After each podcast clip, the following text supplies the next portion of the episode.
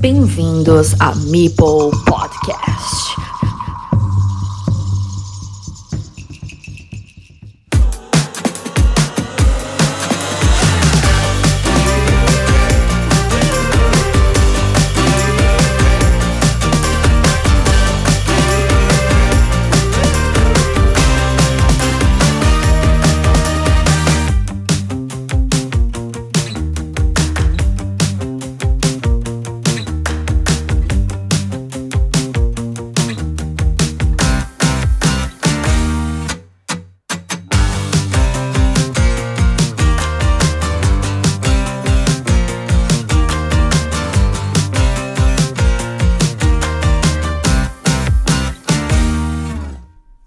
Y bienvenidos a Mipel Podcast. Hoy traemos la segunda parte de la mesa de jugones. Estamos en marzo de 2023, fecha de la grabación, y la publicación del episodio que precede a este tuvo lugar hace ya diría casi cuatro meses, fue en noviembre de 2022.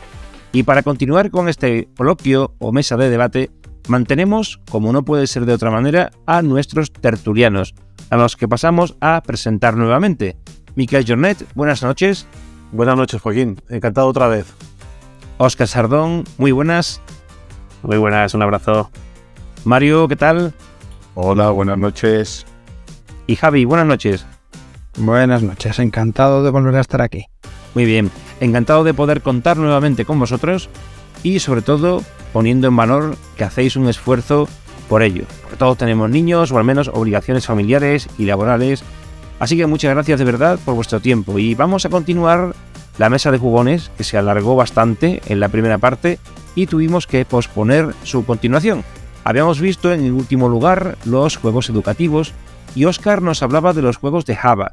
Se habló de juegos como países del mundo y Javi nos decía que a sus hijos no solo les había servido para aprenderse los países, sino también las banderas de cada nación, y nos sacó un juego como Citosis, que aunque Eurogame también tiene las veces de Serious Game, debido al aprendizaje sobre las células del cuerpo humano, lo cual permite aprender sobre ello de manera intrínseca a la parte lúdica del juego. También se habló sobre cohetes de Oklahoma y de la familia de Maldito Games denominada Carta Aventuras. Y ahora continuamos por los fillers. ¿Quién quiere romper el hielo? A ver, Javi, ya que te tenemos aquí, pues porque tienes problemas de conexión, a ver si vamos a perderte y por lo menos que empiece hablando tú. Vale. No, los fillers me encantan. Yo te digo que tengo bastantes fillers en la colección, pero últimamente, por ejemplo, a mí el que me está gustando mucho, me gusta su hermano mayor, que es Ticket to Ride. Eh, a mí me están gustando mucho los juegos que han sacado pequeñitos, el Ticket to Ride London y esto, eh, Amsterdam. Estamos disfrutando un montón con ese tipo de juegos ahora mismo. Ticket to Ride, por ejemplo, ¿no? Hombre, te podría decir más, el Fantasy Realms también nos gusta mucho. Hay varios tipos de juegos de estos fillers. El pico pico se lo puede sacar absolutamente a todo el mundo. Hay, muchos. Filler, eh, la verdad es que es una mecánica que me gusta bastante, este juego, los juegos filler. Eh, yo me gustaría hablar de, uno que se llama eh, Rig Master de TTG Factory. Es un juego de, cartas, de enfrentamiento, y en el cual la, condición de victoria no está predefinida de, inicio, o sea, es cambiante. Y te lo van poniendo las propias cartas que vas jugando. Eh, se juega tres minutos, es súper rapidísimo, tiene mucha interacción, o sea, y es un juego que, siempre, siempre, siempre suelo sacar ahí rapidito y decir, venga, vamos a entrar en calor. Y lo sacamos y, me gusta mucho, me gusta mucho. Eh, Mario, bueno, eh, yo quisiera, habría que hablar un poquillo también de qué entendemos por un filler, ¿no? Eh, yo creo que un filler, como la palabra indica, pues es algo que se juega de relleno, es un juego que dure, que tiene que durar poco tiempo para empezar y eso nos permita, nos permita pues pasar un rato entre a lo mejor un juego y otro, ¿no? Eso, por eso, se llaman fillers, porque son juegos de relleno en los que se descansa, no hay que pensar mucho, son divertidos y rápidos, ¿no? Yo tengo muchos de estos y me funcionan todos. O sea, ahí tengo de hecho, hasta en mi blog tengo un apartado específico para fillers y parties. O sea que, aquí hay, una, cantidad de, juegos impresionantes que, entrarían dentro de esta categoría. Por, decir un par de ellos, y que juego muchísimo, que es un juego que es carísimo para lo que es, que es el Exploding Kittens, pero funciona inexplicablemente, funciona súper bien, súper bien. Y otro que a mí, bueno, me, yo no le daba ni un duro, cuesta menos de 15 pavos y es el Unánimo. Y el Unánimo es una pasada de juego divertidísimo, lo juegas con un montón de gente y es un filler fantástico también. Es casi también un party, ¿eh? pero bueno, no sé qué, pensáis los demás. Sí, yo tengo aquí apuntado en fillers eh, que son juegos sencillos y fáciles de explicar, que las partidas son cortas y que la presentación normalmente es en cajas pequeñitas.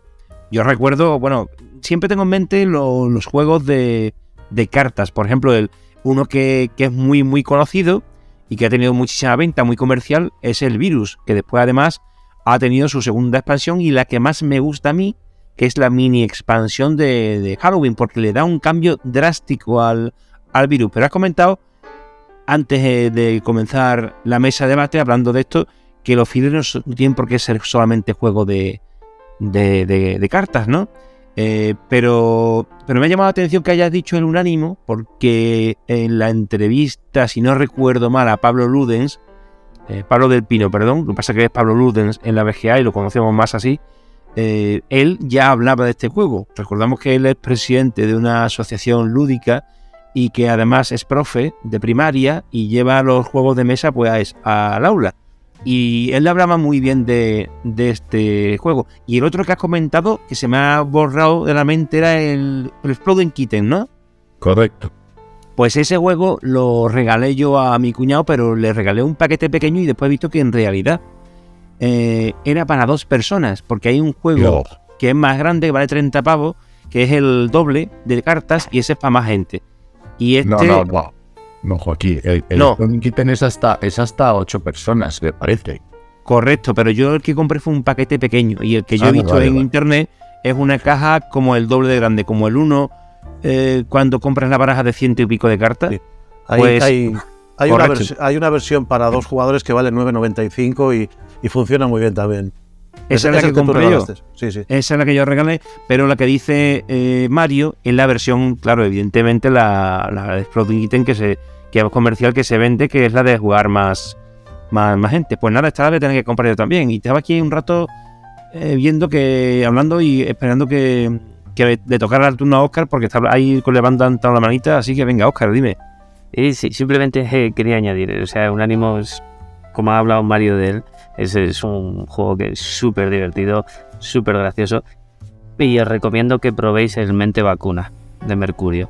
Eh, es un juego que digamos que eh, tiene las mismas características, un poco de sacar un tema y, buscar todos, pero en este caso en vez de ocho palabras deberíamos buscar una sola palabra y no, y no la palabra que nosotros queramos, sino la palabra que creemos que más se va a repetir. O sea, es un juego para trabajar la empatía, como has hablado de Pablo y tal, para trabajar la, empatía en los colegios, eh, realmente, realmente maravilloso.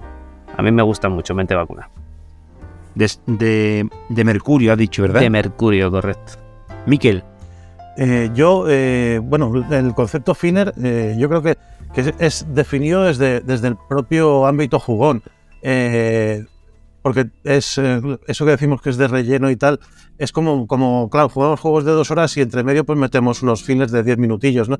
Eh, pero que también es, es, una tipología de juegos que es, son con las que, con las que enganchamos a la gente que no ha jugado nunca, porque eh, les, tienes que ir dando eh, el juego en, pequeñas porciones, ¿no? Y, o sea, lo de llamarle fines a, mí a veces me, resulta un poco, pues, no sé, como contraproducente, porque son juegos pequeños que te, van a servir para introducir a la, a la gente. Y dentro del, del catálogo de Devir hay un juego ya bastante antiguo, que nadie lo se, se, acuerda mucha gente del virus, se acuerda mucha gente de, otro tipo de juegos, pero que es un juego que estaba en el catálogo de homolúdicos y lo rescató de bien, que es el Coloreto, que eh, me parece eh, el filler, un filler por, por, por excelencia y, por definición, porque además lo puedes comparar con, otros juegos que son el, el, Zoloreto y el Acuareto, por ejemplo, que son juegos más desarrollados, que ya sí que serían euros, pues el Coloreto es como el core, el corazón de, esos juegos y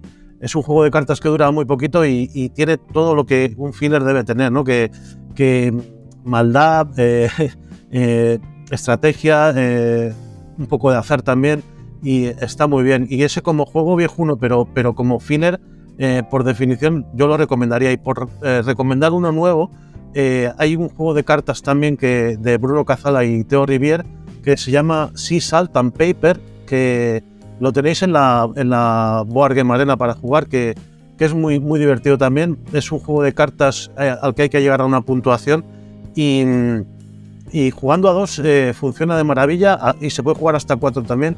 Y, y lo bonito de este juego también es que las ilustraciones de las cartas son, son origamis, son, son figuras hechas, son fotografías de origamis de, de- figuritas hechas con papel, con papiroflexia. Y, y es, es una cosa muy nueva de Bruno Cazala. De momento no lo ha sacado ninguna editorial española, pero que yo, si ahora fuese editor, le echaría el guante porque, porque está muy bien, la verdad. Eh, se nos ha caído Javi, y lo digo porque prefiero que salga la grabación, ya que hemos hablado de esto, ha tenido problemas de conexión. También hemos tardado dos o tres semanas en, en intentar conseguir reunirnos para, grabar este episodio.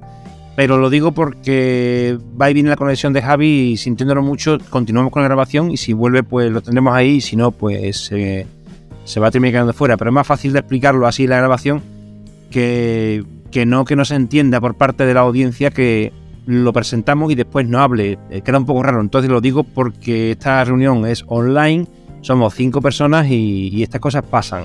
Mientras seguimos hablando de esto, el, el Coloreto a mí es un juego que, que me encanta, pero tengo una espinita clavada con él y es que no lo puedo jugar en casa.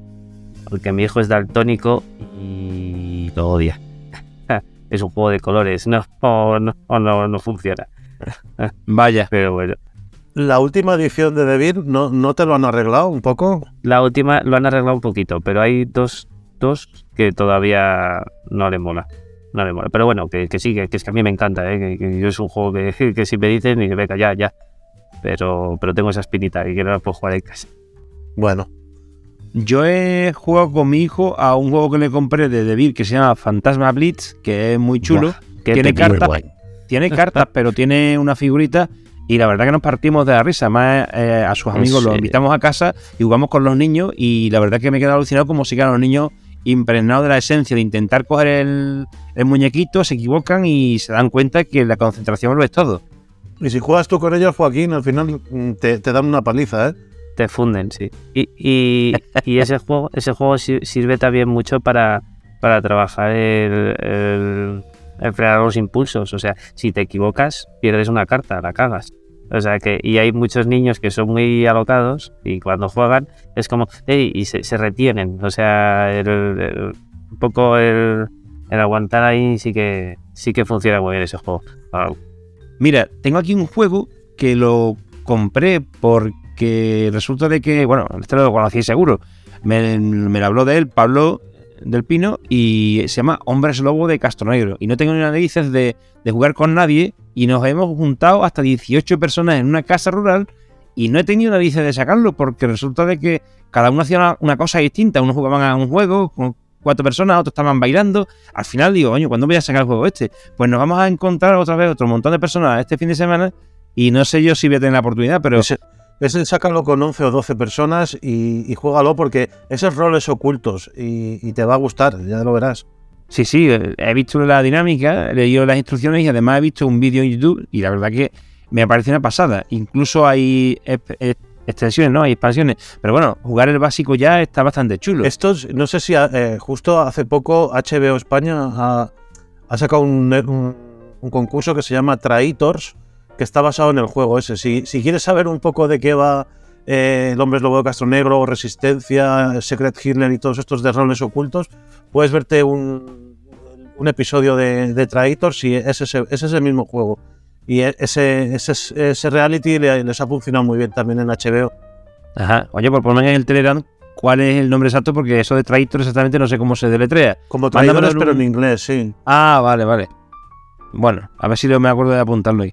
Sí. Eh, hay otros juegos, estoy hablando yo más de la cuenta, porque yo siempre pregunta y vosotros habláis, pero eh, tengo aquí juegos de esto y quizá no me había dado- no me había percatado, pero tengo muchos fillers de cartas. Por ejemplo, tengo uno que le compraba al niño que, que lo tengo sin, sin desprecintar. O sea, se, llama The Vampires, o sea, de los vampiros, vaya. Y, y es uno que tiene un montón de expansiones que no lo sabía. Y se forma una cruz con las cartas y bueno, en fin, no, no, no me he leído todo, todo la- el reglamento, pero parece chulo. Es de Jumbo. Ese no lo conozco. Yo tampoco. Sí, por lo pasaré una foto por, por, por Telegram. Y después uno malísimo, que yo mismo me he dado cuenta que tiene, que tiene un fallo. El juego no está depurado porque te quedas atrancado, a no ser que me haya perdido yo algo en las reglas. Que se llama Alien y es de Glob. Ese lo he visto yo por Amazon y, y tiene pinta de, ser un juego pues editado por una o autoeditado o, mm, tiene que sí sí eh, yo, yo ahí no habría metido dinero. Con eso te lo digo todo. Pues sí, hay un momento eh, del juego, sobre todo al principio, que como no encaje en la carta que tienes que echar con lo que te aparece en la mesa, no está contemplado las instrucciones que cambies la carta o que rompas el juego y vuelvas a ca- cambiar de carta, sino que simplemente no puedes hacer nada. O sea, ni tú puedes soltar carta, ni tu contrincante. O sea, se queda paralizado el juego. Esto no está depurado, creo. Bueno, es un juego malo, la verdad. Eh, Está gracioso, pero después cuando pasa esto dices tú, hostia, ¿qué pasa aquí ahora? En fin, eh, es una curiosidad. Sí, sí, sí, no, no creo que esté bien testeado. Puede ser lo que dice Miki, que probablemente sea de auto... ¿Cómo se dice? sí, Sí, sí, sí. Luego eh, de Files, pero que también es cooperativo, está, eh, que este seguramente lo conocerá también Oscar, en Bandido, que también ahora ha salido Bandida. De, de- Sí, qué bueno es, qué bueno es y cómo aprieta. sí. y Sí, se puede sí, jugar en solitario también. Es, es la, Sí, sí, sí. Eso sí, necesitas. No necesitas mesa, necesitas suelo. Este juego se expande mucho, mucho, mucho, mucho. alfombra. sí, sí. Sí. Es muy, ah, está, está en la BGA si queréis, ¿eh? Si queréis probarlo. Ahí hay uno que me gusta mucho, ya que habéis hablado de cooperativo, que me funciona también muy bien, que es la tripulación. Ah, qué bueno. Y es un juego que, que, bueno, puedes alargarlo lo que quieras, porque tiene 50 misiones y hay, mis- y hay partidas que te duran 10 segundos. Sí, eso es- eh, eh, los de la tripulación tienen la ventaja de que es como un videojuego, que dices, venga, vamos a intentarnos pasar hasta la pantalla 12. Y, lo dejamos ahí. Y al día siguiente, pues lo seguimos desde la 12, a ver si llegamos a la 18. Y no sé, vas, vas, vas jugando y vas dejando. Este Mario, este ya es cooperativo. La- sí, sí, es totalmente cooperativo, sí, sí. Mm. Bueno, pues nos pasamos a los cooperativos, porque en Ah, realidad era el siguiente. O sea, hablamos de unos juegos que tienen un objetivo común y o ganan todos los jugadores o pierden todos los jugadores. O sea, al, fin- al final no es el típico juego que tenemos, entendemos como, como de competición en el que o ganas tú o gano yo, sino que ganamos los dos o perdemos los dos, ¿no? Eso O los tres o los Yo, cuatro. mm, Eso es, yo antes de, antes de cambiar y ya el lazo, eh, decir una cosa de, de la tripulación y es que eh, al ser muy parecido al, al Tute, o sea, es un juego de, de iniciación muy bueno, pero que cuando juegas con personas mayores cuesta mucho hacerles ver que tienen que cooperar contigo. Están acostumbrados a jugar a ganar siempre ellos. Entonces decirle que, que eche cierta carta o que tal para beneficiarte a ti les cuesta muchísimo. O sea que es una, es una buena sensación también esa de ver. Y ya enlazo con los cooperativos y yo voy a decir uno que, que a mí me encanta, como siempre tirando un poco más en, en, esto, en estos programas hacia la línea infantil, que es el Zombie Kids. O sea, es un jueguecito muy sencillo, pero muy bien logrado, en el cual eh, cuando vas consiguiendo de- determinadas misiones vas abriendo sobres, eh, o sea, lanza ahí un poco, no, no termina de ser un Legacy, pero sí que es un juego que va por campaña, está bien, pero que puedes jugar una partida solitaria, o sea, no, no hay ningún problema y es un juego que, que a mí me encanta y me funciona genial con los niños. Venga, más cooperativos. Bueno, yo quería, yo quería abrir aquí otro melón de los cooperativos, porque no sé qué pensáis, pero todos los que se llaman, de, yo los llamo mazmorreo, ¿vale? Es que ahora no me acuerdo el nombre en inglés. Dungeon Crawler se dice. Sí, un dungeon crawler, exploración de mazmorras y demás. Todos estos al fin y al cabo son juegos cooperativos, es decir, todos los jugadores tienen que ir explorando la mazmorra eh, para ir matando todos los bichos que se encuentren, como el Gloomhaven o el Descent, ¿no? que son los máximos exponentes, yo creo, de este tipo de juegos. Sí, Y, y otro juego también que me encanta, he puesto aquí tres o cuatro que tengo, para mí los, el rescate, por ejemplo, es otro de los juegos cooperativos que este se puede jugar con niños, con adultos, con quien quieras. Y también es bastante, bastante interesante. Consiste en apagar un fuego que hay en una casa y si no consigues sacar a determinado número de personas, pues, pues, pues claro, es un desastre, pierde todo el mundo, ¿no? O sea, hay, es que hay multitud de, juegos cooperativos. La verdad es que los cooperativos o te gustan, son como los gatos, o te gustan o los odias. Hay gente que no los soporta y hay gente que, que, no sabe jugar otra cosa que no sea cooperativa o que no le gusta competir. Entonces prefiere jugar a un cooperativo. Eh, sí, lo de los cooperativos, lo que la gente les achaca muchas veces es eh, el que efecto tengan líder. el efecto líder. Eso es, que haya uno que ya sepa jugar y que además tenga mucha iniciativa y que dirija un poco la partida y lo que tienen que hacer el resto de jugadores. Hay algunos eh, cooperativos que eh, eliminan eh, el efecto líder de alguna manera. Uno así viejuno que también se podría considerar eh, filler, para mí es el Hanabi, que está, está Muy muy, bueno. bien. Se, se juega con las cartas al revés, eh, hay información que tú conoces de los demás jugadores y que y en cambio no conoces la tuya y hay un objetivo común que es hacer un castillo de fuegos artificiales.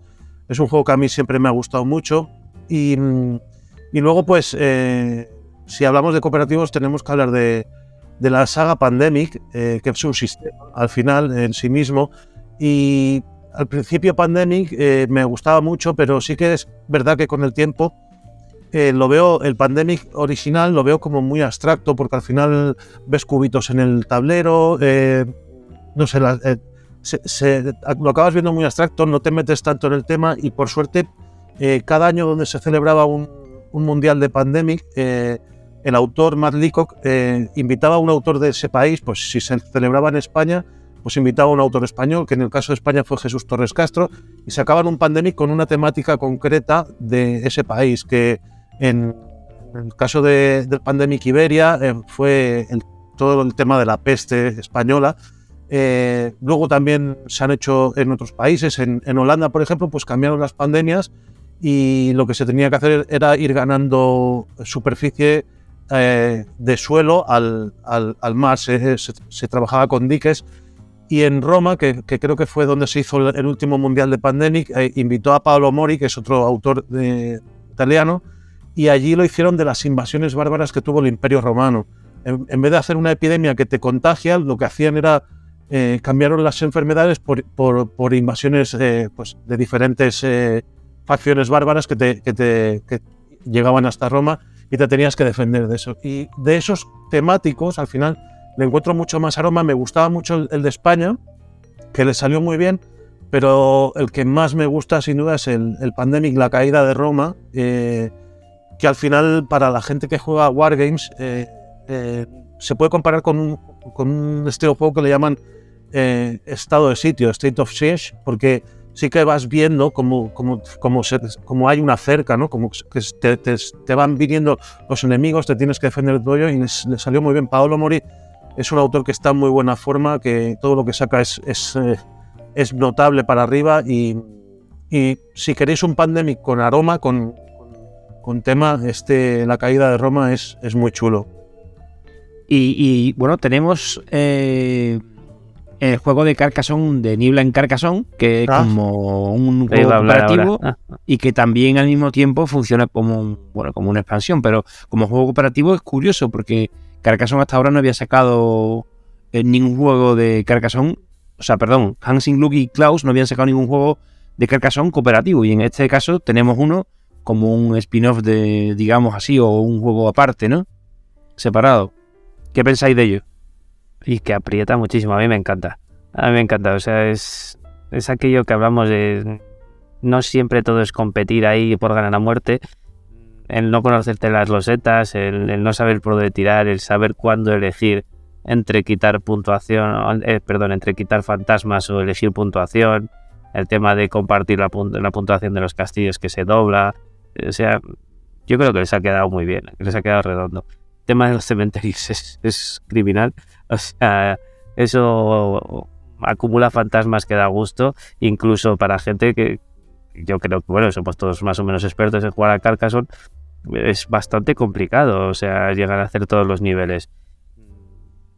no sé, a mí, a mí me encanta, a mí me gusta mucho el juego, la verdad. Yo lo tengo pendiente. Eh, me estáis poniendo los dientes largos. Ah, Y yo pruébalo, no lo conozco Miquel, pruébalo, tampoco. pruébalo. Yo tampoco lo conozco. Yo a fecha de marzo lo tengo en casa de Héctor, así que me toca ir al Nacional para recogérselo en Madrid. Eh, probadlo cuando podáis, porque lo dicho, es, es- está muy bien. El- bueno, no, no voy a adelantar muchas cosas, pero el tema de, de que cada vez que pones una loseta, si coincide la niebla con otra niebla, solo pones un fantasma, o sea, bueno, perdón, pones un fantasma menos. Eh, si haces puntuación, pues lo dicho, hay veces que haces dos puntos de un camino, que igual esa puntuación no te viene muy bien para llegar a tu objetivo, pero te viene muy bien para, para eliminar fantasmas que, que ya están puestos en el, en el terreno, que si te quedas sin fantasmas es- estás, has perdido. O sea, es- está muy bien, está muy bien realmente, como el tema del perro, etcétera, etcétera. Y perdonad que si estamos hablando de Carcassonne y de cooperativo, eh, la modalidad por parejas eh, es, es muy, muy divertida también, en el que la, la- la puntuación más baja del, del, que, del, que- del jugador de la pareja es la puntuación de, de los dos y, y eso te obliga a, pues a escudar muchas veces a tu compañero, protegerle de bloqueos. eh, si lo habéis probado, no sé si los que estáis aquí habéis jugado eh, por parejas a Carcassonne es, es, es de las formas más divertidas que, que hay de jugar a Carcassonne. Mario creo que sí. Sí, un poquito. Yo hago, hago un torneo todos los años, o sea que... Por eso, y por casi eso siempre digo. me toca jugar, porque como voy de sparring, por si, fa- por si falla alguien, pues siempre me acabo apuntando con alguien, así que... Sí, Eh, sí he jugado, es muy divertido, la verdad. El otro día, bueno, y ya estamos jugando nosotros en los viernes, estamos jugando, hemos jugado el otro día y le gustó a la gente. Sí, sí. Pues eh, Claro. la, la idea surgió de, de allí, en Carcassonne.cat, de, de David Sí. III y yo, y se nos ocurrió pensando en las puntuaciones de, de Reiner Nicia y... eh, hay muchos en el- juegos, sí. en- sí, en el genial, que, que al final tu puntuación más baja es la que tienes. Y dijimos, ¿por qué no lo aplicamos a, a una pareja jugando a Carcassonne? Y, joder, lo probamos, funcionó y, empezamos a hacer eh, torneos allí yo en Cataluña. Y de verdad que es la manera que más me gusta de jugarlos. Y, ahora tengo que montar también algún, algún torneo clasificatorio y me gustaría hacerlo por parejas, pero no sé si, si, aquí donde estoy viviendo yo, pues eh, llamaría demasiado a la gente. Pero en, en grandes ciudades eh, yo os animo a hacerlo porque es que es divertidísimo. Sí, sí. Oye, ya que has hablado de Carcassonne por parejas, pues para mí el mejor juego del mundo, sin lugar a dudas, y que cumple esas premisas, es el MUS, perdóname. Sí, sí, tiene, tiene Oh. toques de mus, sí, sí. Hombre, Qué bueno. son- le faltan las series, pero vamos, el MUS para mí es el mejor juego de todos los tiempos. Barato, ocupa poco y rápido y te lo pasas súper genial. Bueno. Para mí, ya lo he dicho mi- miles de veces, que para mí es el mejor juego del mundo. Yo he de decir que desde que estoy aquí en Madrid eh, no he vuelto a jugar al MUS y porque no me gusta cómo juega la gente aquí. O sea, el MUS es callado, se habla con señas y no se puede decir nada más. No es aquello de aquí Ah, hablan no, todo. claro, aquí, aquí no, esto no, mejor, eso no, claro, Eso no exactamente. puede ser, eso no puede ser así. Eso no puede ser así. Ah, lo llevo fatal. O sea, me- jugar todo lo que queréis así, pero yo lo llevo fatal. No, no se habla absolutamente nada. y punto.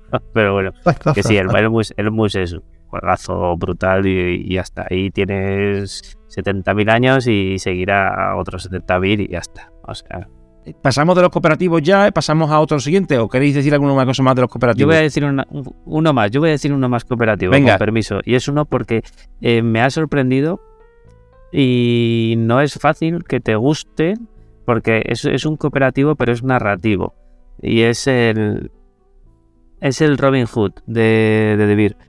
Eh, es un juego eh, en el cual eh, tú vas con un libro y vas moviendo tus personajes, bueno, poniéndolos uno al lado del otro por proximidad y el tablero tiene pestañas como un calendario de adviento en el cual le vas dando la vuelta a la pestaña y son números y tienes que leer el número que te ha tocado y dependiendo de lo que elijas pues puedes hacer una cosa u otra. O sea, el juego tiene unas 12, 12 partidas más o menos si te lo pasas toda la primera, pero es, es imposible. Yo, bueno, para mí es inviable, no lo he hecho. Creo que me habré jugado unas 17, 18 partidas y todavía no me lo he terminado. Pero eh, el tema de que mm, eh, decidir entre todos hacia qué lado ir. Eh, te cuenta la historia de Robin Hood, o sea, te, te metes como si estuvieras en, la novela. O sea, es, un juego precioso, o sea, me, me, encanta y que si alguien lo quiere probar, que me, me, escriba en privado, que se lo dejo. Y es una maravilla, o sea, es, es, es brutal. Aparte el libro tiene un, tiene un, un, esto, un encuadernado precioso, o sea, es, es, es, muy, muy chulo, muy, muy chulo. Si tenéis la oportunidad, pegarle un tiento. Oye, hay una, hay una, hay una, ¿cómo se llama? Una especie, de, no sé cómo llamarlo, una, una categoría, esa es la palabra. Una categoría también de cooperativos que no estamos diciendo aquí. Estaba revisando lo que habíamos hablado y son los, los, los escape. Es decir, los todos escapes. los juegos de escape son cooperativos en sí mismos. Los Exit, los Unlock, que yo me flipan. Tengo todos los Unlock, o sea, todos. Y son una auténtica pasada y eso es cooperación a tope, a tope. Y además eliminan bastante el efecto Liner porque es imposible que, que todo el mundo, que solo una persona detecte lo que hay que hacer, porque hay tantas cosas que hacer que al final se, te tienes que diversificar. Y a mí es que esos juegos como cooperativos son los que más me gustan y de los que más juego con mi familia que juego muy poco. Los de Escape Room, ¿no? Es sí, que dices, sí, ¿no? se llaman Escape Room, no juegos de escape, que consiste en, en, hacer un reto, no tienes por qué salir de ningún sitio. Es, es, es, un poco lo que ha dicho, lo que ha dicho Oscar, es decir, es seguir una, una trama en la que en la que vas pasando una serie de fases y descubriendo como puzzles para ir pasando de una fase a otra. Esto no lo teníamos apuntado no, aquí en, no, en la lista. No, ¿no? Es, un, es, una categoría en sí misma, pero también es un cooperativo, ¿eh? está dentro del cooperativo perfectamente. Escape o son Unlock. Sí, eh, no, sí. Más que categoría, no sé, es, es, un poco, es una moda, porque eh, de hecho creo que ya está un poco a la baja. No sé, no sé cómo lo veréis el resto, pero eh, fue un boom eh, editorial y, y, y, bueno, ahora parece ser que, que bueno, que, que, está todo un poco más eh, apaciguado en ese sentido, pero sí, es que eh, yo recuerdo que en el Festival DAO de Barcelona incluso se, se hacían escapes eh, en vivo y cosas así, pero, pero creo que ya está todo bastante manido en ese, porque al final lo que te das cuenta, y a mí es lo que no me gusta de este tipo de juegos, es que al final es una, es una seguidilla de, de puzzles y, y, muchas veces no, no tiene cuando no tienen hilo narrativo entre uno y otro, eh, dices, es, que no, no, me aporta nada. Es casi como comprarte un libro de, de agudiza tu ingenio, ¿no? Que te vengan un montón de puzzles y trabajas un poco el razonamiento lateral y para adelante. Eh, y creo que han caído en eso al final los juegos, que no hay, ya no hay más innovación. Yo creo que ya está eh, es, está es complicado. vendido, sí, sí. Es complicado innovar en este tipo de juegos. Y entonces, claro, cuando salieron la gente alucinaba y decía, qué maravilla. Pero claro, pues uno tras otro, uno tras otro, y ahora es, es complicado. Es, claro. tiene que gustar mucho, como bien dices, el tema. Yo que sé, ahora van a sacar uno del Señor de los Anillos, pues tienes que ser muy fan del Señor de los Anillos, sacan uno de Star Wars. Pues ese tipo de cosas para que realmente entre. Si te sacan uno eh, tiene que ver con el asesinato en el Orient Express, pues igual dices, coño, de cabeza. Pero, pero lo dicho, entrarías más por, por, por la temática que por, que por luego el tema de, de, los puzzles y tal. Mira, ese es el que tengo yo. Muerte en el Orient Express de, de The Beatles. Pero no he jugado todavía y lo que me da coraje de estos juegos es que tienes que tirar, bueno, que se tiran, que se deshacen las cartas, se rompen. Claro, pero porque ese es un exit, ese es el exit, Joaquín. Sí. Si compras los unlock, los unlock no se rompen y los puedes luego dejar a otras personas o, o, venderlos o lo que sea. Pero a mí es que los unlock me parece el juego perfecto y lo que decís, un unlock te vienen tres historias con tres ambientaciones muy diferentes por ejemplo, una del Mago de Oz, otra del Oeste y otra de un videojuego, por ponerte un ejemplo, ¿no? Ajá. Y eso te da una variedad y, una, y además en diferentes niveles de dificultad. Bueno, es que a mí, perdonad, pero es que yo estoy absolutamente enamorado de este tipo. Yo, eh, suena bien, ¿eh? Sí, suena yo, bien. yo lo, eh, cuando salieron los dos, eh, los intenté comparar Exit y Unlock y verle las cosas buenas y cosas malas a cada sistema y y a mí del, del, Unlock hay una cosa que no me gustó eh, particularmente, que, que dependía a, en según qué momentos de, de, de, la agudeza visual. De, tenías que ver un numerito que estaba muy sí. borroso en una carta y si no lo veías eh, eh, te arruinaba por completo la experiencia eh, de juego. esas cosas, esas pequeñas trampas, a, a mí no, no, me acaban de gustar. En cambio, Exit, aunque acabes destrozando el juego, no cae en eso. que, que, te puedes quedar encallado también, pero, pero me, me, pareció como una trampa del juego, ¿no? De, de, de, si no ves este número, pues te has perdido. Y eso creo que, que pasó en, las primeras aventuras. Los dos sistemas me gustaron mucho, pero eh, tampoco he probado todos los Exit ni todos los Unlock. Pero, y luego también hay algunos otros, más, otros sistemas más de otras editoriales. Están los juegos de Sherlock de, GDM Games, que, que son unos mazos muy, muy pequeños de cartas y creo que con 50 cartas o 55 cartas funcionan también de maravilla. Eh, pero no sé, o sea, al final este, cada persona va, va, va, a gustarle un sistema por unas cosas u otras. Yo, yo lo dejo ahí. Eh, son cosas para probar y tampoco que se estropee el juego o lo que sea. Eh, final es una experiencia. Tienes que tomártelos como juegos experienciales y si luego no los puedes recomponer, pues chico, eh, te has gastado 12, 13 euros para jugar entre 5 personas y pasar una tarde, pues es, es casi mucho más barato que, que irte a un, a un, juego de escape convencional, ¿no? Lo tienes que ver así. Y, y ya hay otro tipo de, de cooperativos que, que, que, le dan una vuelta de tuerca adicional, que son el Time Stories. No sé si lo conocéis. Y ese, lo divertido, entre comillas, para quien me guste, yo lo he probado y algunas me han gustado y otras no, es que es un poco como el día de la marmota. Es decir, tú tienes que ir jugando pero el juego, si te equivocas, te acaba de provocando un final y tienes que volver a empezar y rehacer todos los pasos e intentar hacer cosas diferentes para llegar hasta el final del, juego. No sé si me he explicado. Entonces, es un tipo de juego que, que, puede gustar también y es cooperativo y también es muy diferente con respecto a todo lo que hemos hablado. Sí, luego también estaría tipos juegos Macedonia de letras, que es de, de ir dando pistas sobre palabras los, los juegos, ahí ¿cómo se llaman estos de Asmodee? Joder, que es un macito de cartas. Se me ha olvidado ahora. Los Similo, no. Eh, no. Mitos y leyendas, ahí, ¿cómo se llaman estos? Que se ponen 12 cartas. Pues se me ha olvidado ahora. Similo. Recuerda el Similo, es eso, es el Similo. Esos juegos a mí me encantan también. Esos son juegos súper, súper divertidos. Gracias, Mick. Gracias, Mick. son, son juegos eso, que, que, tienes que ir dando pistas pero sin hablar, este se parece a este o es diferente a este otro personaje. O sea, son juegos muy diferentes. ¿Pero ese es un tipo de juego yeah. o es un nombre no, de un es, juego? Es, es, un nombre de un juego, de, una, de, un, de un sistema de juego. Eso es. Sí, sí, Milo, es, es, son divertidos también. Y el Time Stories también que ha dicho eh, Mario, Mario, también es un sistema que, que, como lo que él decía, que tienes que repetir muchas veces. A veces se te va de tiempo, pero le han implementado un sistema de guardado. O sea que si tú tienes que dejar una partida a medias, eh, el, el, propio, la propia cuna del, de la caja del juego, tú dejas los componentes en unos sitios y, es como que, estás guardando una partida, tipo como si fuese un videojuego, para que cuando lo vuelvas a sacar, eh, vuelvas a poner todo el escenario montado como, como debería estar, eh, como lo dejaste en la última partida, ¿no? sin necesidad de hacer una foto con el móvil, que también lo puedes hacer, ¿eh? y también está muy bien. Bueno, pasamos a roles ocultos. Y yo aquí tengo que decir que antes me equivoqué cuando dije Hombres Lobo de Castro Negro porque eh, no está en fillers, sino que está en esta categoría. O sea, la mecánica del juego.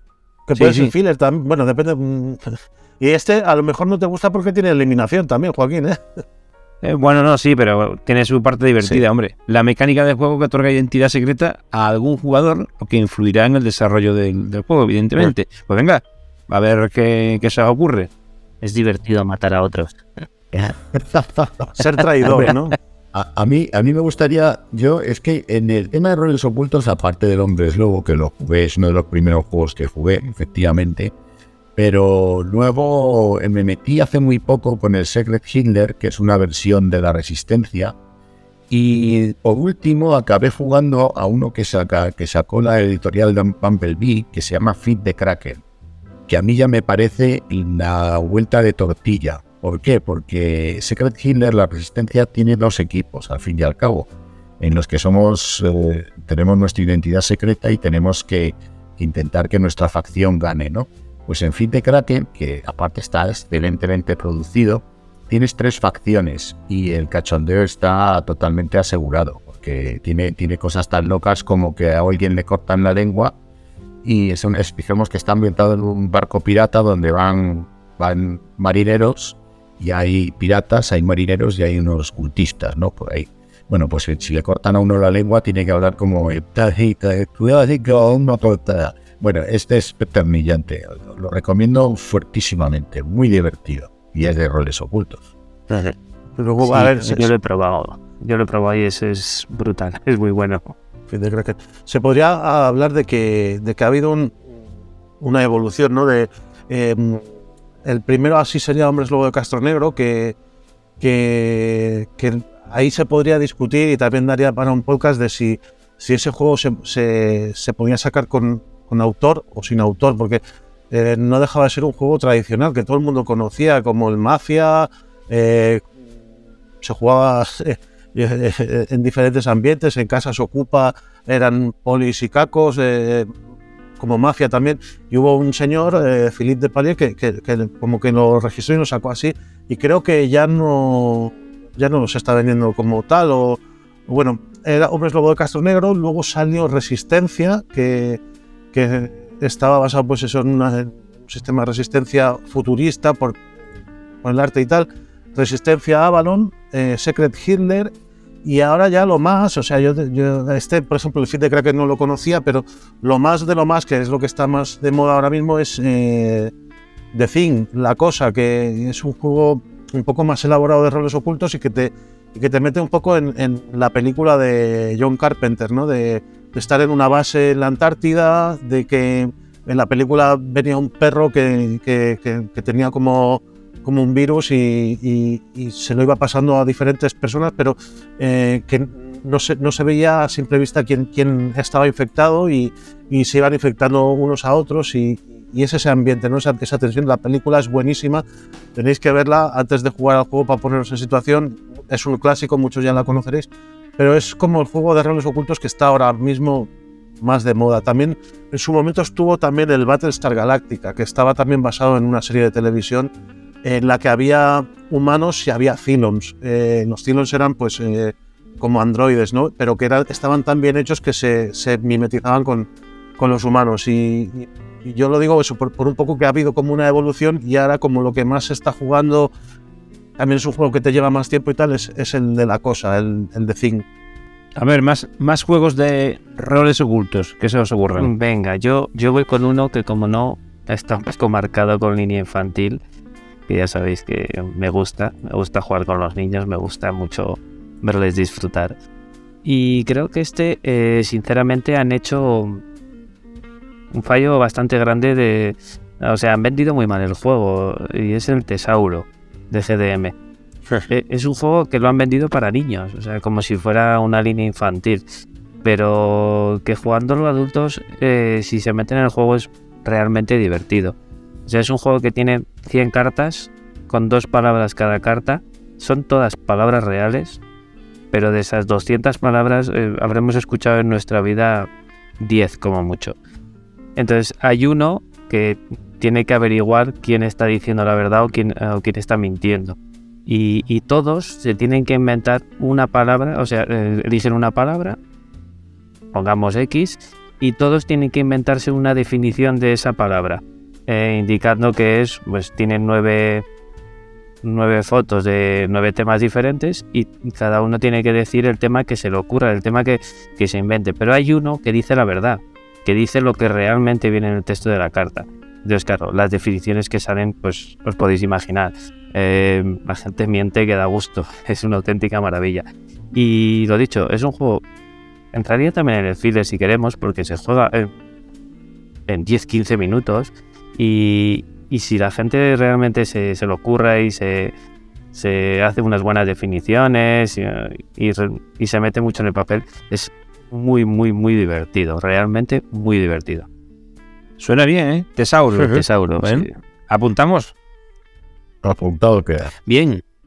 A ver, venga, ¿alguien más? Nos pasamos al siguiente. Yo hace poco jugué a uno, de- no te lo sabría explicar bien bien, pero me lo pasé bien, que se llama Remolacha. No sé si Oscar, eh, porque también va por, eh, por el público así infantil. Y también era un juego de que mezclaba eh, palabras con, con, roles ocultos. Había dos equipos, las, las, remolachas, y no lo recuerdo muy bien, pero, pero fue divertido. Pero creo que es editorial española y, y era, para mí es eso, la, la que no sabía que el tesauro también utilizaba las palabras y pensaba que no había nada nada parecido, pero este juego mezclaba también palabras con roles ocultos, remolacha se llama, es bastante nuevo.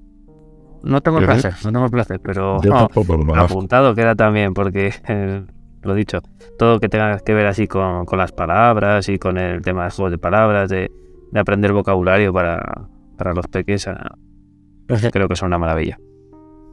Bueno, de estas reuniones salimos con una libreta llena ¿eh? para apuntar. sale, sale en la playlist aquí larga. Pues, eh, ¿queréis que entremos en la siguiente definición, la de roles, perdón, la de juegos Legacy? Vale. Venga.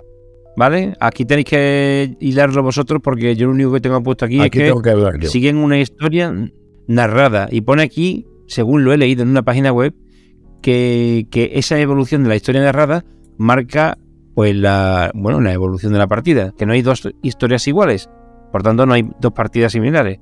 Bueno, bueno, bueno, más o menos, más o menos. Lo de que no hay dos partidas iguales. se asemejan eh, mucho.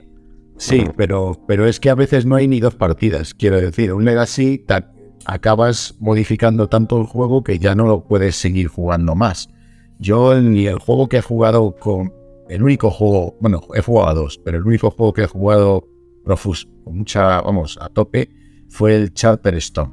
El Charterstone es un juego legacy, yo creo que de libro, en el que vas siguiendo una historia que llegan allá a Barranco Verde, unos señores, y tienes que ir jugando a, construir casitas y construir poblados. Me lo jugué en la pandemia con mi señora esposa. y son 12 partidas y llegas al final y te queda un juego en el que dijéramos que cada, cada partida vas como descubriendo una regla diferente y van apareciendo personajes y fichas nuevas. Y al final del juego te queda un tablero con el que ya puedes jugar una partida con, con todo completo, con todos los elementos del juego, ¿vale?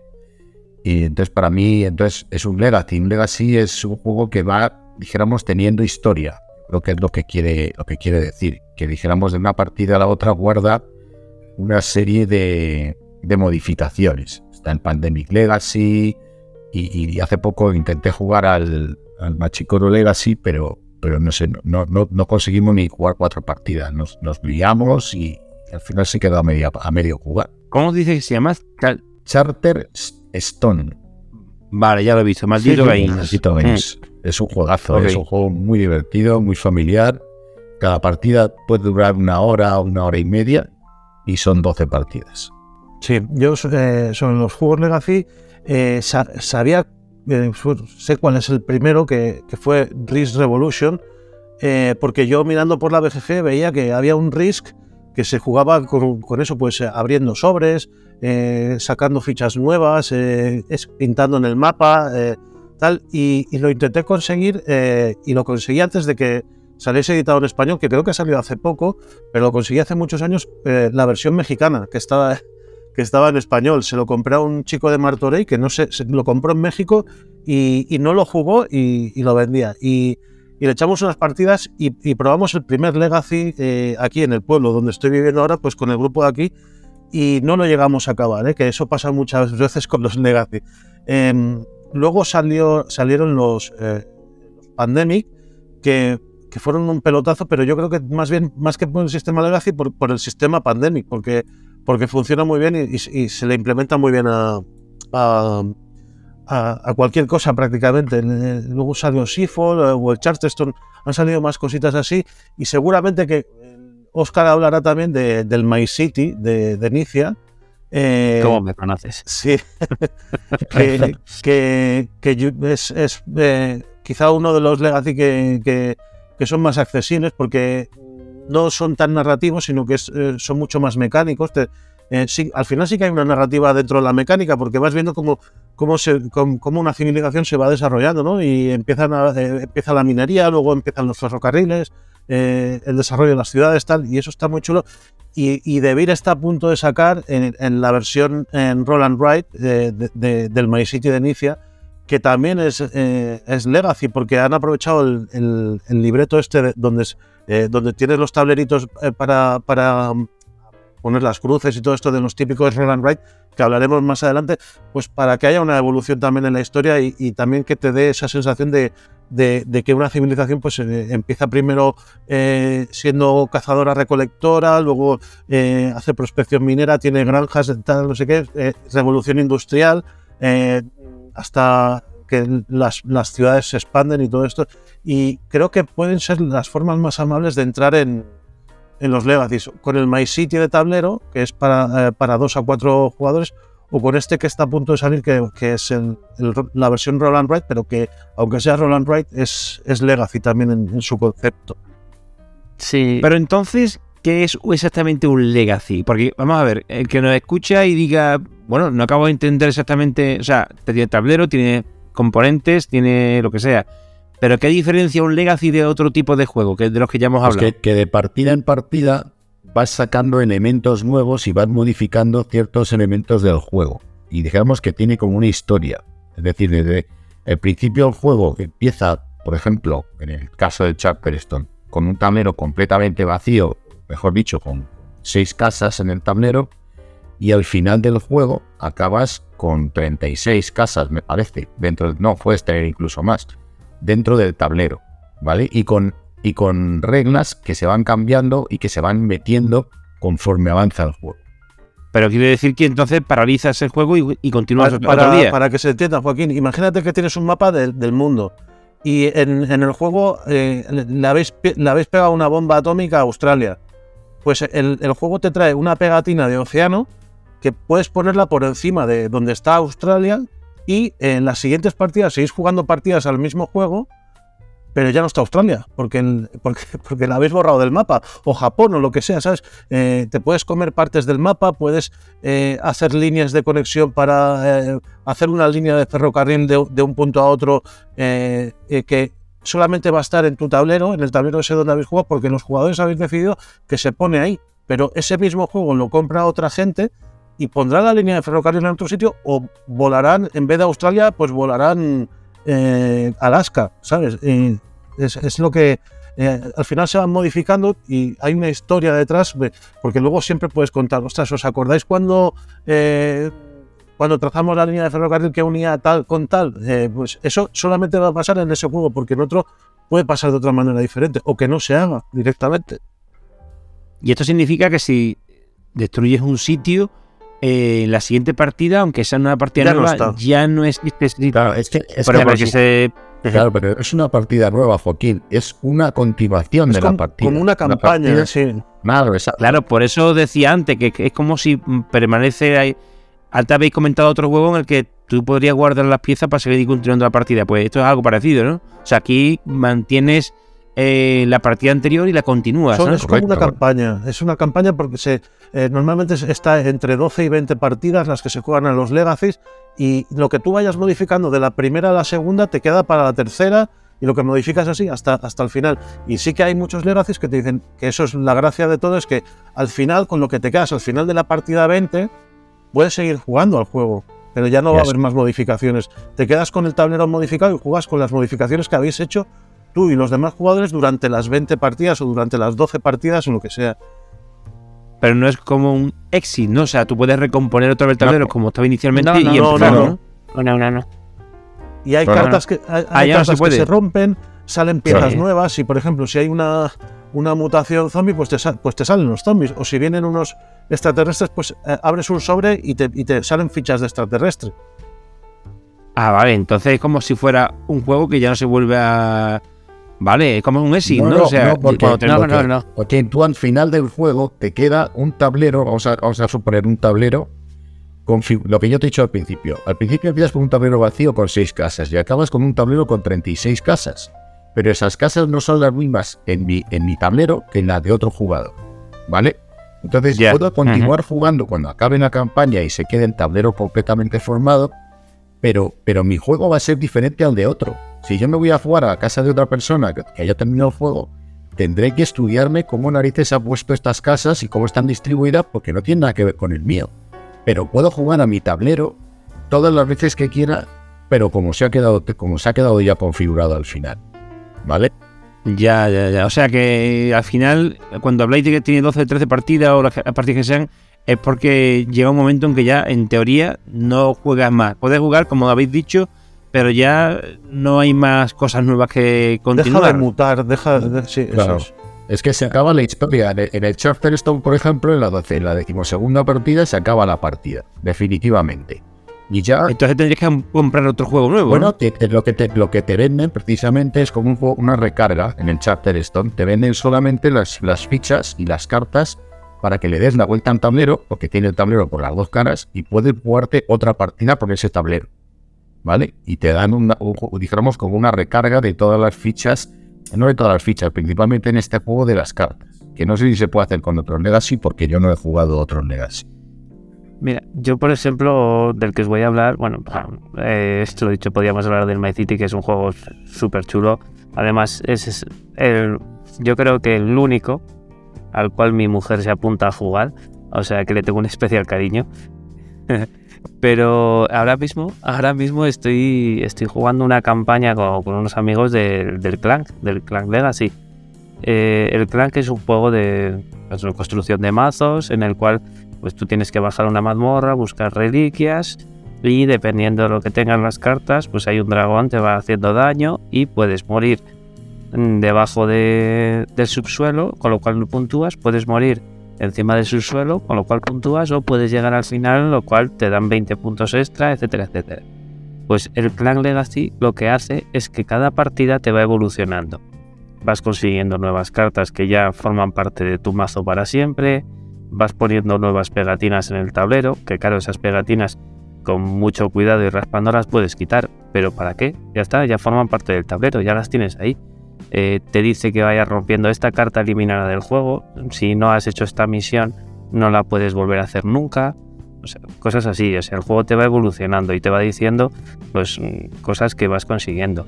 Luego, eh, en el Clan Legacy es un juego que no es cooperativo, o sea, cada uno va por solitario, pero todos juntos, o sea, es semi cooperativo, porque todos juntos lucháis contra una, bueno, una IA que es, que es enemiga, en la cual no puedes hacer muchas cosas mal, porque si no, todos perdéis la partida.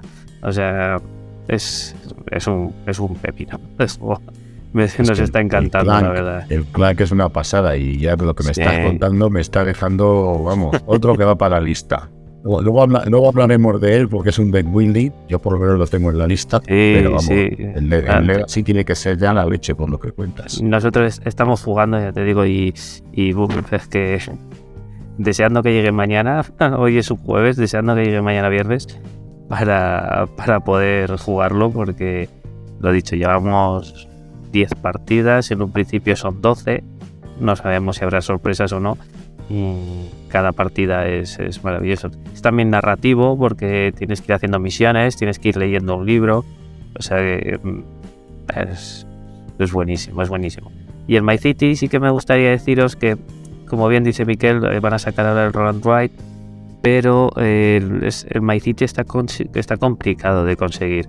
Entonces, si no lo tenéis ya, en la BGA lo podéis jugar, que está bastante bien implementado, pero creo que dentro de poco van a sacar otro que es el, el My Island, que es muy parecido, pero en vez de construir una ciudad, como decía Miquel, pues empezando desde cero, que luego pues, se forman las iglesias, bueno, el clero, vas, vas luchando, vas, consiguiendo, va creciendo tu civilización, eh, va a ser, eh, pues eso, como, si fueses un náufrago así, o vas creando tu propia isla desde cero y está, está muy chulo. A, ver, dos, dos pregun- dos preguntillas. Eh, si se supone, yo, os lo he preguntado antes, pero que me vuelva a surgir otra vez la duda. Si se supone que ya ese juego, cuando termina 12 partidas, ya no lo juegan más, hay alguien, porque claro, el Parchís juegas mil veces, el Monopoly juegas mil veces, y a lo mejor tienes un Monopoly desde que tenías 6 años y tienes 50 y sigues jugando el mismo Monopoly porque lo has conservado o lo que sea.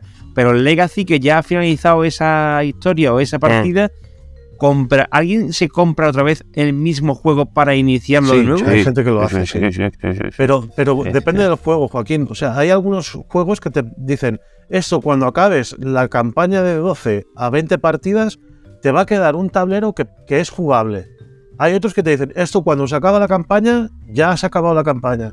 Eh, depende un poco del juego. Eh, el, el My City eh, creo que, que, tiene como tableros reversibles, ahora no recuerdo bien, pero hay una forma de jugar sí. con los tableros básicos y otra de, de jugar con, con, los tableros ya modificados, pero que, que depende del juego, te, te, pueden prometer que tienes luego un juego eh, prácticamente único porque lo has modificado tú con, con, el resto de jugadores a vuestro antojo y, y es, y, y sigue siendo jugable, o hay otros que te dicen, no, no, aquí se ha acabado y si quieres eh, vuelves a hacer una campaña entera, como creo que decía el Justerstone, que le dabas la vuelta al tablero y empezabas de nuevo. Eh, corregidme si me equivoco. Así. Mira, imagínate, Joaquín, que tenemos un Carcass Legacy y te dicen, ahora eh, en esta campaña vas a eliminar dos tapas y vas a meter tres curvas y una X y vas a meter, yo qué sé, cualquier, cualquier loseta. Y así durante 12 campañas y luego al final te dicen, cuando terminen estas 12 campañas, a ti te van a quedar, en vez de 72 losetas, te van a quedar 84 y media, porque una la has tenido que partir por la mitad. ¿Puedes jugar al Carcassonne? Sí, puedes jugar, pero no es el mismo Carcassonne con el que empezaste. Es así. Esos son los juegos Legacy. ¿Y cómo se juega en BGA un Legacy? Porque que se paraliza la partida y continúa al día siguiente, ¿cómo funciona eso? ¿O juegan las 12 partidas seguidas? Eh, no, en My City creo que son 30 sobres, bueno, quiero recordar. No sé, son, son bastantes. Eh, puedes jugar una sola campaña o dos. Puedes jugar lo que te dé, lo que te dé la gana. Evidentemente no te haces toda la campaña, pero te puedes abrir una partida amistosa con un amigo um, sin competición y tenerla ahí eternamente. No, no es obligatorio terminarla en un día.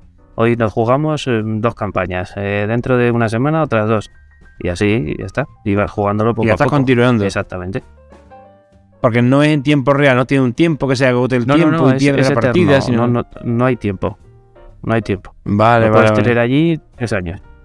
Lo que, lo que pasa es que estos juegos tienen un problema, que es precisamente el que normalmente tienes que encontrar un grupo de juegos constante, o sea, un grupo de personas constante con el que, con el que jugar la misma partida, porque si no, o metes un bot, un robot, una inteligencia artificial que juegue por un jugador en una campaña que ese día no ha podido venir, o, o directamente lo eliminas, o bueno, es un poco complicado. Por eso estos juegos adolecen de esto, por no ponerlo todo tan bonito. Quiero decir, al final el, el, problema más grave que tiene un Legacy es que tienes que jugarlo con el mismo grupo de personas o que alguien sustituya a una persona en mitad de una partida y a lo mejor no sabe ni de qué va. Entonces eso pues estropea bastante. Y con cierta y con cierta asiduidad, porque como Correcto. dejes un juego de estos de yo que sé, te tires un mes sin jugar, te tienes que repasar el reglamento entero otra vez. O sea, sí y tienen, tienen factor de compensación para los que se quedan más rezagados sí. en, en, la puntuación, pues le dan como unas, unos bonificadores para, para, que puedan jugar mejor en la siguiente partida y los que van más adelante también pues tienen penalizaciones. Al final lo que quieren es que eh, partida tras partida, porque son hay puntuación, partida, puntuación, partida, pues que los jugadores más o menos estén compensados, porque si eh, eso también adolecería mucho un sistema Legacy, que, que alguien se quede muy descolgado, que es que ya no tendría ganas de, de jugar. Continuar, eso es.